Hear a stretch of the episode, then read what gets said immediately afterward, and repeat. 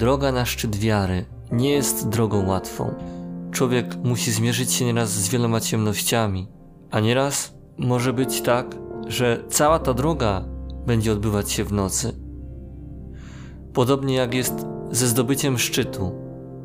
Każdy doświadczony alpinista rozpoczyna zdobywanie szczytu zawsze nocą, aby dotrzeć tam o świcie, by mieć czas także i na zejście. Pierwszą kobietą, która zdobyła Mount Everest, była Polka Wanda Rutkiewicz. Jeżdżąc po świecie i po kraju, zawsze mówiła tak: Każdy ma przecież do pokonania swój Everest.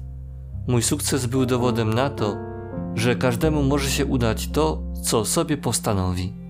Dotarcie do szczytu wiary, uwierzenie w Boga, umocnienie swojej wiary. To jest ta droga, którą wyruszyliśmy razem i do której dotarliśmy. Góry naszej wiary. I choć może ci się wydawać, że jej nie ma, lub że jej teraz nie dostrzegasz, wiedz, że Twoje pragnienie spotkania z Bogiem już wydaje owoce.